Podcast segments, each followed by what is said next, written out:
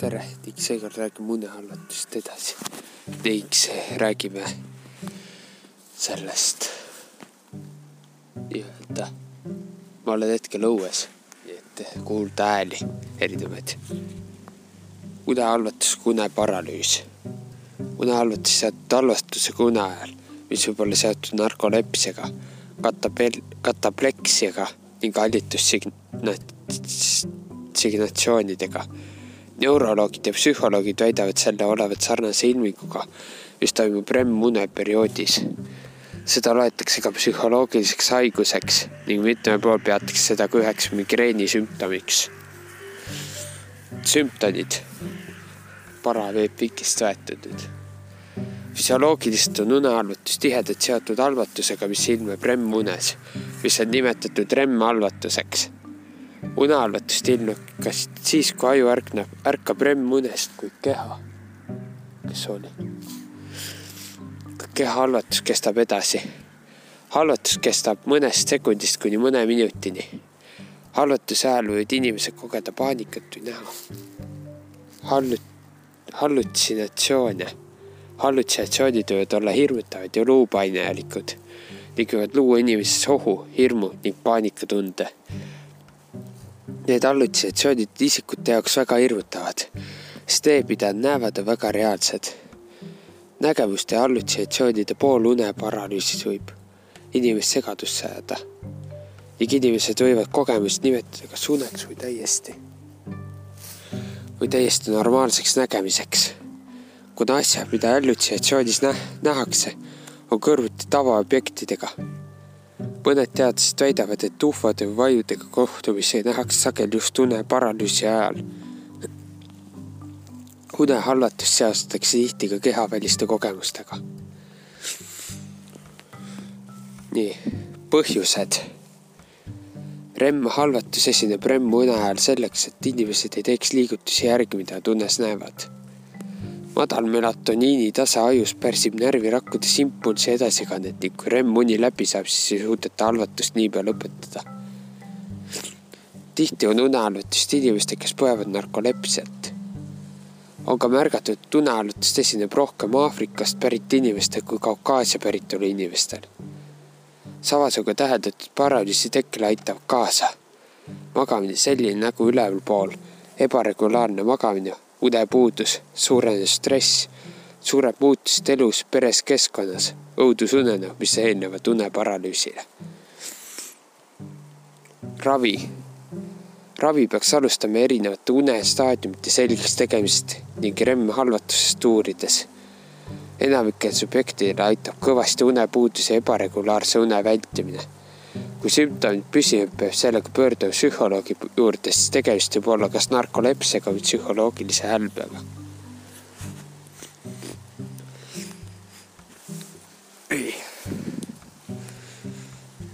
on kuulda vahepeal erinevaid helisid, sest ma olen õues. nii, ja lugu on selline. veel paar lugu sellest unehalvatust, luupainetest, paralüüsist. autor Valguslapsed ja välja antud maaväline. unehalvatus ehk uneparalüüs on ning luupained, mõlemad tülikad teemad, millest tihti on rääkinud täiskasvanud kui ka lapsed. laste puhul on see tõenäoliselt täiesti möödapääsmatu kogemus lapsepõlveeas. ma arvan optimistlikult, et ei ole ühtegi inimest, kes ei mäletaks omast käest ühte või teist läbielamist luupaine või uneparalüüsi näol, kas lapsepõlve kogemust täiskasvanuna või siis oma laste näol ma arvan, et on küll. sellel eluperioodil, kui vastlukuslaste teema mind mõned aastad tagasi isiklikul tasandil puudutama hakkas, sain paranormaalsust kamalutega ning muutusid sagedaseks unehalvatuse ja luupainete kogemused. kuna selle mure osas on minult nii palju küsitud, kas vanemate endist laste tõttu, et mida siis konkreetselt teha, kui ikkagi unehallutus peale enne keha liigutada ei saa, siis otsustasin sellest kirjutada. kindlasti on antud nähtuste erinev tõlgendusi erinevate inimeste poolt, olles seetõttu mitu-mitu korda seda, et juhtud on õppinud aja, aja jooksul varjude maailma ja sealsed tegelasi väheke põhjalikult tundemist juttu julgen jagada need, et mis minu puhul aidanud seni usaldusväärselt ja lojaalselt une halvatus kui uneparalüüs, olukord, kus sa oled ärkvel või poolärkvel või unes, kui täiesti teadlikult lebada voodis keha liigutada ei saa. mõni kirjeldab, et ei saa isegi mõelda, kangestumine on igal tasandil. häält karjumisest kehast välja ei tule, sama juhtub tihti luupainetega. tundlikumad inimesed võivad tajuda ja näha üht-teist ruumis voodi juures keha läheduses, energiat või olendid ruumis keha kallal leskendamas ja muud sellist olen korduvalt ja täiesti selgelt tunnistanud erinevate energiate kohalolu selles olukorras. seega aastate jooksul vaadates on minu jaoks tekkinud selge seaduspärasus. unehalvatus tähendab võõraste energiate kohalolu ning inimeste kehaga manipuleerimist. ahah, ah. ning jah, maavälised tõesti on sagedasti süüdas, kui mitte ainult, üldsegi ainult. seega ma ei taha täna veel kuidagi mõista nõustuda arvamusega, et uneharjutuse puhul tegemist lihtsalt inimese üleväsivuse jääknähtuga, näoga tööalast stressist. väsinud seisund soodustab küll erinevate energiate lähenemist, kuid pole paralüüsi algupärane põhjus. kuna on väga teadlikult võtnud ette niivõrd mitmeid astraalrännakuid, ütleb autor, lausa teadlikult jalutanud omaenese elamisringi, lugenud kõrvalruumis silte tekste ja nii edasi, saan ma ka öelda, et tegemist oleks on astraalrännakust tulenev süütnähtus, kes piirneb lihtsalt ainult lihaste kangestumisega. astraalsööku pole seatud mingit juhtu uneparalüüsiga hetkel, kui astraalkeha naaseb füüsilisse kehasse ning vahetult enne sisse ankurdamist. kasutades seda õrna habrast ajakalt ära valvsat olendikki, et kehale võimalikult lähedale saada, ei salvatust tekitada et oma toiminguid sooritada, kuid sellegipoolest on tegemist selge kehalise manipulatsiooniga, mille jooksul võib mõjutada saada see kõik olemistasandid. see tähendab näiteks astraalkeha, vaimu, hinge ja tihti ka füüsilise keha tasand. Nende energiate vahenditel on oma kindlad eesmärgid, miks nad sellist sigadust ette võtavad, kuid et asi osade jaoks liiga maaväliseks ei läheks, siis sellest pikemalt ei kirjuta ja nii edasi. lugu läheb veel edasi tähtis on teada, et inimene, kes on multidimensionaalne olend, suudab liikuda erinevatel sagedustel üles ja alla, hõredast tihkesse ja vastupidi. ja ta juhtub nii oma tahte ja soovi korral, kuid enamasti siiski mõjutuste tulemusena. sellel hetkel, kui ronib peale luupaine nähakse õudusunenägu või kogetakse uneparalüüsi, on juba inimese vibratsioon ehk sagedus alla tõmmatud. Pole tähtiski konkreetselt, millise meetodi abil seda on tehtud selleks tohutu erinevaid võimalusi, kuid just siis pääsevadki võõrad olemusorvitsi energiavälja ligi. muidugi võib ja saab ennetada erinevate kaitsetaotluste ja puutumatuse nõudmiste läbi enne magama mineva heitist. kuid enamasti läheb see, kuidas toimitakse siis, kui juba vastav olukord käes. planeet A asub sellises atraktiivses punktis universus, et siit lihtsalt voorivad mööda erinevad olemusorvid, inimene jääb silma nii mõnelegi võõrkülalisele ma julgen kahelda selles asjas esiteks, kui koged unehalvatust, luupainet või õudusunenägu, siis lohutus kohelda, järelikult sinul on, mida võtta. valitakse karikad, mis on küllaldast täis, sest inimese väärtuslikku energia, eluenergiat tuleks selline momenti esmases järjekorras ammutama. olgu hulgaliselt neid tegevusi, mis paralleelselt võidakse sooritada. Iga osakeste võtmine, keha ajutine ülevõtmine ja muud sellist, aga kõige enam levinud on eluenergia kaaperdamine kui inimene on hirmuseisundis ja abitus, ta lausa külmub külmahaigist hirmut endalt eluenergiat ära. hirmuseisundis olles on ka kogu potentsiaalne organ, mistõttu mõni tunneb, et peab mitu korda taotlusi lausma, enne kui asi ju jõudu koguma hakkab. mõni lausa kirjeldab, tunneb, kuidas temast midagi välja õhkab, voolab intensiivselt. Peale paralüüsist vabanemist, mis võib kesta sekundeid või minuteid, on keha kurnatud ja väsinud, jõuetu niisiis ära karda, võta kogu oma jõud kokku. tuleta meelde, et sina oled inimene, kes on tegelikult universumi kõige võimsam olend ja asu toimetama.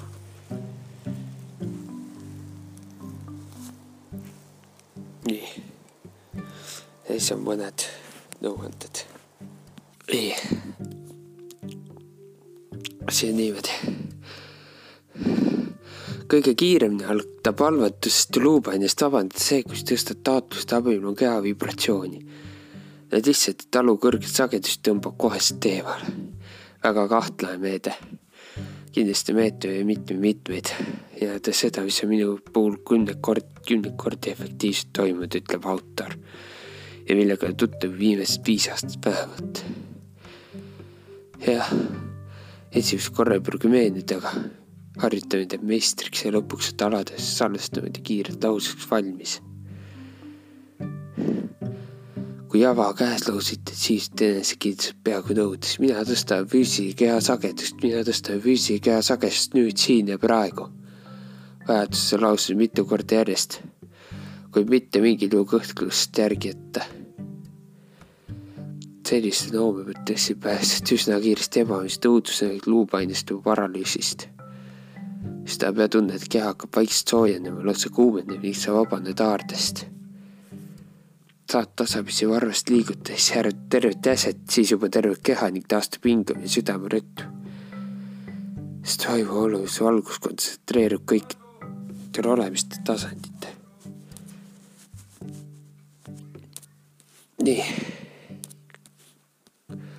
keha kui ikka on olemas tasand samaaegselt ja muudab oma vibratsiooni. viied juhtud tohiks hereti käest, see aitab mitmeid inimesi, nii luupainet kui õudusunenägude puhul. kui see mõte ja sõna loov jõud, siis reaalselt toimubki energeetiline muutus füüsilises kehas, rääkimata peenenergiate vibratsiooni muutust. sellest tuleks taotleda just füüsilise keha sageduse tõstmist. kui keha sagedust alla tõmmatakse, siis langeb tihkesse vibratsiooniga vaim oleb, mitte vastupidi. ei tohi unustada, et peale kokkupuudet tuleb keha kindlasti vastavalt taotluste abil puhastada kaotksid energeetilised jäljed no energiaväljast, siis tekib niipea sama olendiga kokkupuudet.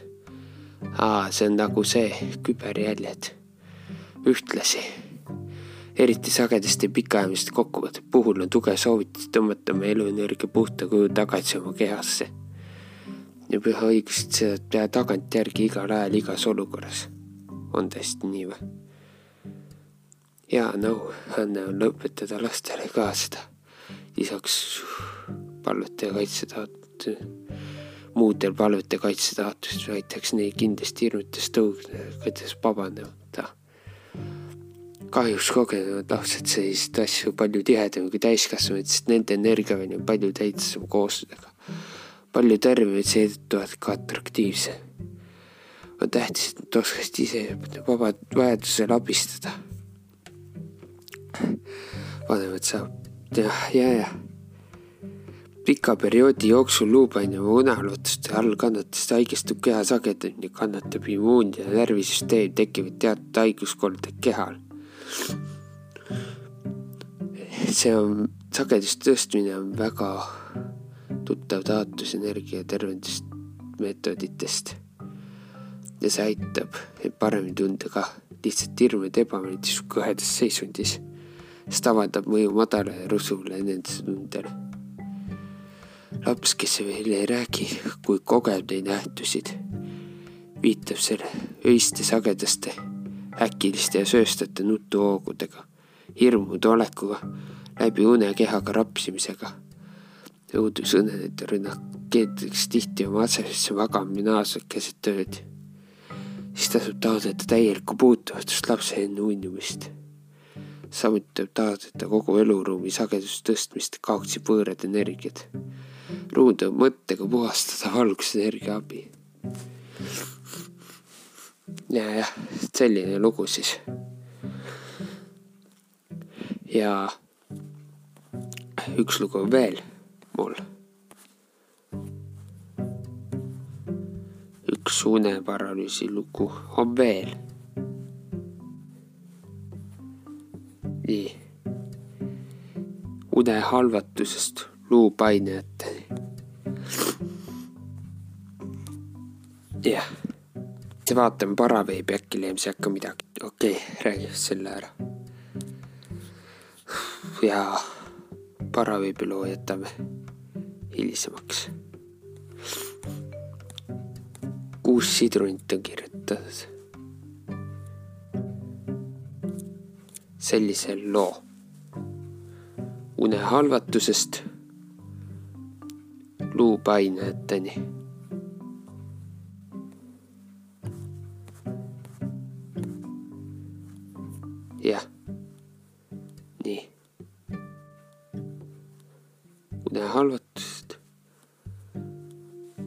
kaotasin hetkel ära. aa, nüüd leidsin. unehalvatust luupaineni. kuus sidrupukk.ee kakskümmend kuus juuli kaks tuhat seitseteist, Liivi.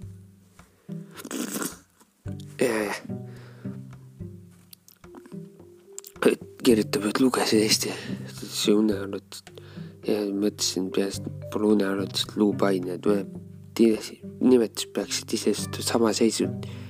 Need on täiesti erinevad asjad, need on täiesti erinevad asjad, unearvutus on luupainest erinev. unearvutust kogesin alles hiljuti, kirjutab Liivi unearvutus kogesin alles hiljuti, kui viskasin neid keset päeva voodis pikali ja üritasin lasta lärmi sees veidi tukkuda ma ei plaaninud magama jääda, mitte et see oleks üldse võimalik olnud, ma lihtsalt nautisin seda poolune ja erksuse vahel kõikumist, kuni isu täis sai. ja mõtlesin, okei okay,, nüüd lähen nüüd üles. ringutasin isuga, tundsin, kuidas kehast mõnus väri läbi käis, avasin silmad ja nägin, et mu käsi on ikka samas asendis. ma ei olnud nüüd voodis pikaks sirutanud. kuna ma olen unehalvatus kohta palju lugenud, siis sain kohe aru, millega tegu ja esimene mõte oligi, et ahah, selline seisund siis ongi nägin ja kuulsin kõike, tundsin oma keha, tundsin ka liigutusi, mida ma teha ei, mida ma ei teinud ja mõtlesin, et kas päriselt annatud inimesel on samamoodi. ma teadsin, minul läheb see kohe üle, aga kahju on ju mõelda, mõne inimese jaoks on see argipäev. tegelikult see halvatus ei läinud mul kohe üle. ma ikka üritasin korduvalt end väga keskenduvalt liigutada lootsin, et ehk lapsed tulevad peale ronima, häävama keha üles. viimase hädas üritasin magama jääda aga vaim hakkas vaikselt paanikasse minema ja mul ei olnud enam und. hakkasin kartma, et ma ei tuleks sellest välja ega saa kuidagi abi ka kutsuda. ja kui juba hirm sisse tuli, siis muutus see halvatus vastikult vangistavaks. alguses ma hirmu ei tundnud, pigem oli huvitav sellises seisundis olla, aga ma eeldasin, et see tõesti kestab vaid loetud sekundid ma ei tea, kui kaua see reaalselt kestis, kell on silmapiiril ei olnud, aga igatahes oli mul omaaegu aega igasuguseid mõtteid mõelda. kuni ühel hetkel käis kehast vaba langemise tunne läbi ja ma sain end taas liigutada. siis ma pikalt ei oodanud ega seedinud äsja kogetud, vaid hüppasin ruttu voodist püsti ja ma jumala eest uuesti liikumatuks ei muutuks. seda nimetasin siin mõne halvatuseks oli vaid liikumatu olek, sellega kaasnev mure, aga ei mingit raskust kehal muu ette ebaloomulikku, rääkimata surmahinnust luupaidet olen kogenud kolm korda, vahemikus kaks tuhat kaheksa kuni kaks tuhat kümme. nüüd räägime natuke ka luupaidetest, kuigi selle kohta oli mul plaanis rääkida mõni teine kord. esimest korda kogesin seda vanemate juures, kui olin lõpprase ja korteriremondi ajal seal elasime. selle poole aasta siis koges ka härra seal midagi ebaloomulikku, mille ajasime tol ajal aknaravis üks Stimfole see arv esinevaks kõrvaldamiseks märgitud hallutsinatsioonid. ta ärkas öösel imeliku tunde peale, kui silmad lahti tegi surmatas tema kohal sünge välimusega väga kortsus vanamees, kellel oli heledamad rohelised silmad. härra ehmatas edasi, et tõmbas teki üle pea enne hommikut selle alt välja ei tulnud. võimalik, et see oligi miski, sest härra pole ainuke, kes mu lapsepõlve kodus midagi sellist kogenud on kui luupaine välja arvates mina sellest sada aastat vanas majas midagi näinud ega kuulnud ei ole, ainult tundnud ja siis ma olin ka väike laps, nii et kas seegi mälestus õige on? on ikka, aga igatahes pärast vana sõrmede tuppa kollides tundsin mõnikord öösel, kuidas voodiserval istuti. mina mõtlesin ka oma peast, see vanaisa suuremat tähelepanu sellele pööranud ning hirmu ka ei tundnud hirmu tundsin siis, kui oli aeg voodist välja tulla, sest voodi all elasid raudsed maod, zombid ja Freddy Krieger, kes ootas, et me jala maha pane see on filmid. ja, jah. aga see luupaani juurde, ma kogesin suvisel hommikul, kui vaikselt ärkama hakkasin. ma tegelikult ärkasingi juba, aga keerasin külge ja proovisin uuesti uinuda. kuulsin, kuidas vend teises toas arvuti klaviatuuri klõbistas ja mõtlesin, et täitsa huvitav lugu, et tema enne mind ärkas järgmisel hetkel mulle tundus keegi mu selja taga. ma olin silmad lahti, olin näoga seina poole, nägin seina varju, mis suuremaks muutus. sain aru, et see keegi tuleb mulle lähemale. siis keegi istus mulle peale ja ta oli meeletult raske, mul oli valus, ma ei saanud hingata ma tundsin surma. ma üritasin venda karjuda, aga mul tuli suust välja väike kähi. üritasin käega, mis sain, see liikus vastu seina taguda, aga mul ei olnud jõudu, et seda tugevalt teha. käsi käis üsna lödit vastu seina, kui vend tuli ja luupaine kadus kohe, kui tema tuppa sisse, tema suppa sisse astus. küsin temalt, kas ta kuulis, ma hüüdsin käega vastu seina tagusin tema ei kuulnud midagi, ta oli lihtsalt vaatanud, mis kassil hakkas, et ellu tões järsku püskiti, kargas suure jooksuga minu juurde tuli. mis kassil hakkas? kass nägi luupainet. ja ta tuli sinu juurde, et sind päästa. Päästa luupainest. tuleb vist lisada ka luupaine pärast seda oli pikk paus siis kogesin korteris veel kaks korda lühikese vahega luupainetega, need, need teised kogemused ei olnud nii ärksad. ühe korra nägin unes klassivenda, kes keset jutuajamist hakkas hirmu pilguga minust mööda vaatama. Tahtsin temalt küsida, mis tal on, aga ma ei jõudnud, sest järgmisel momendil haaras keegi mul väga tugevalt selja taga kinni ning klassivend hakkas hirmust moondunud näoga karjuma. seda tugevat haaret tundsin läbi une, see oli taas valus ega lasknud hingata aga see on nii hirmus kui mu klassivenna moondunud nägu, mille peale üles ehmatasin. kui silmad lahti tegin, siis kadus ka luupain ja oli siin kiire ja kerge nagu halb uni. teinekord nii kerge ja kiire ei olnud. Ärkasin öösel selle peale, et köögis toolid naksusid. pidasin seda muidu tavaliseks puidu naksumiseks ja üritasin magama ja tagasi, tagasi magama minna kui pool, poolule jäänud, siis ehmatasin uuesti järgsest toolid olid juba päris kolisesid. äratasin härra üles ja ütlesin, toolid kolisevad köögis. härra kuulatas korra, ei kolisenud midagi ja soovitas magama tagasi jääda. Tema uinus kohe kiiresti nohises rahulikult mu kõrval, kui mina lakke vaatasin, natuke kõhedust tundsin. mingi hetk hakkas mul ka silm uuesti vajuma ja oligi luupaine platsis kordus sama raskustunne, valu, hirm, võimetus end liigutada. ma ei saanud isegi silma, silmi lahti. see käis taas kähku. ma ei jõudnud suurt midagi mõelda, luupaine tuli, köögis hakkas toolil närviliselt kolisema ja see kolim muutus aina valjemaks. kuni käis pauk ja luupaine oli läinud. see pauk oli selline, ma kujutasin ette, kuidas laud ja toolid õhku tõusid ja maha tagasi kukkusid kui luupaine kadus, siis ma olin nii nõrk, et mul oli raske end ära poole keerata ma uin. tundsin, et mul ei ole energiat, et rääkida. ajasin härra siiski üles ja küsin temalt nuttes, kas tõesti seda ka ei kuulnud. tema ei kuulnud midagi, mina ei jaksanud pikalt seletada ka, miks ma nutan, keerasime nüüd võtta alla kaisu, rahunesin maha ja jäin sügavalt magama. Kusjuures ma ise ka ei tea, miks ma sel korral nutsin, lihtsalt nutsin, see oli ainus kord, kui ma pärast luupainet nutma hakkasin tagantjärele ei tundu kogemused enam. eriti nii hirmsad tegelikult tekitasid need veel pikka aega kõhedust ja mulle nendest kolmest kogemusest piisas rohkem ei taha.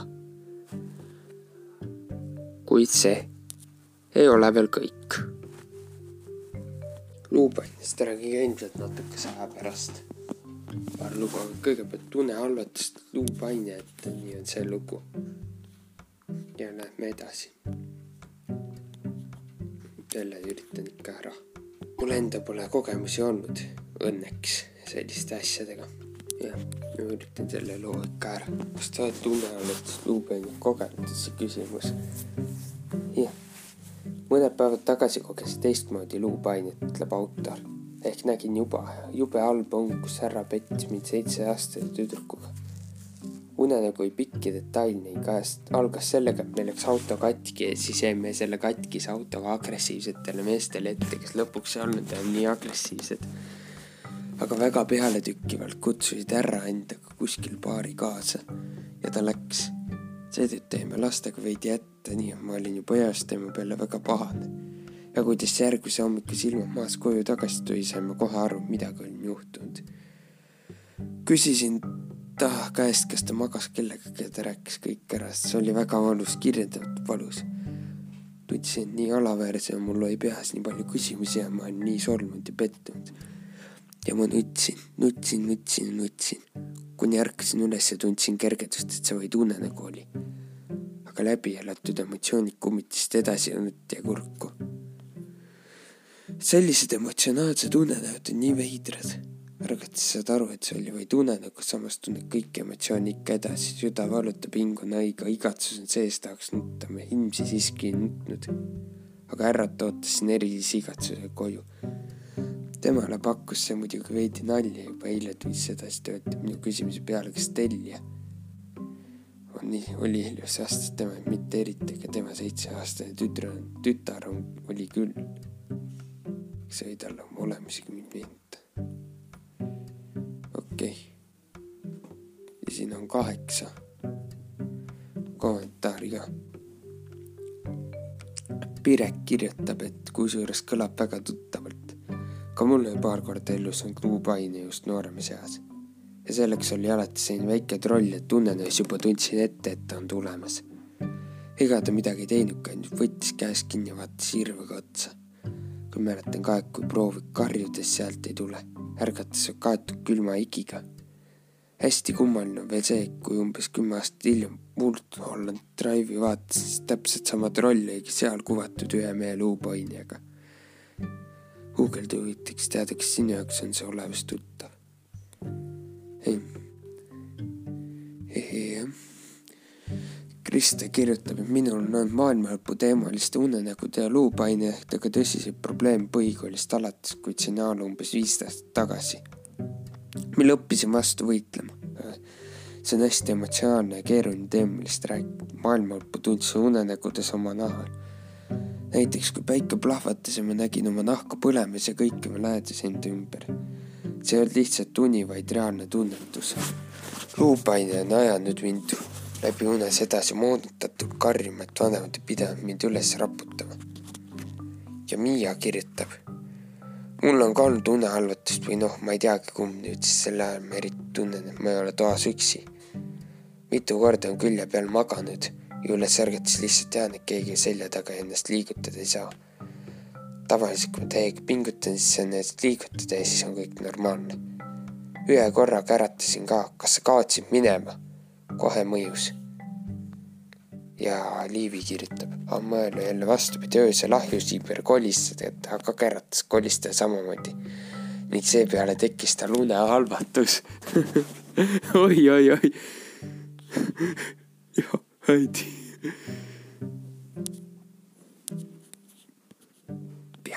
ja siis üks kirjutab, et ta täpselt ei mõista, millest juttu on. aga ta on korduvalt ja korduvalt ja korduvalt kannatanud uneparalüüsi, mis ei ole sama asi. üks rõve, mis on üks rõvedamaid ülelöömisi üldse. lämbun ja raskus paneb ras-, kahtlema, kas, kas ta sellest seisundist pääseb. jah, see on jube.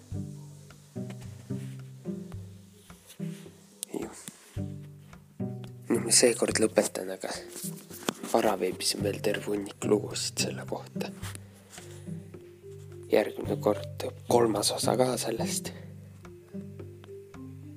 uneparalüüsist ehk unehalvatusest ja siis tulevad luupainjad. jah, aga seekord lõpetan siis. tšau.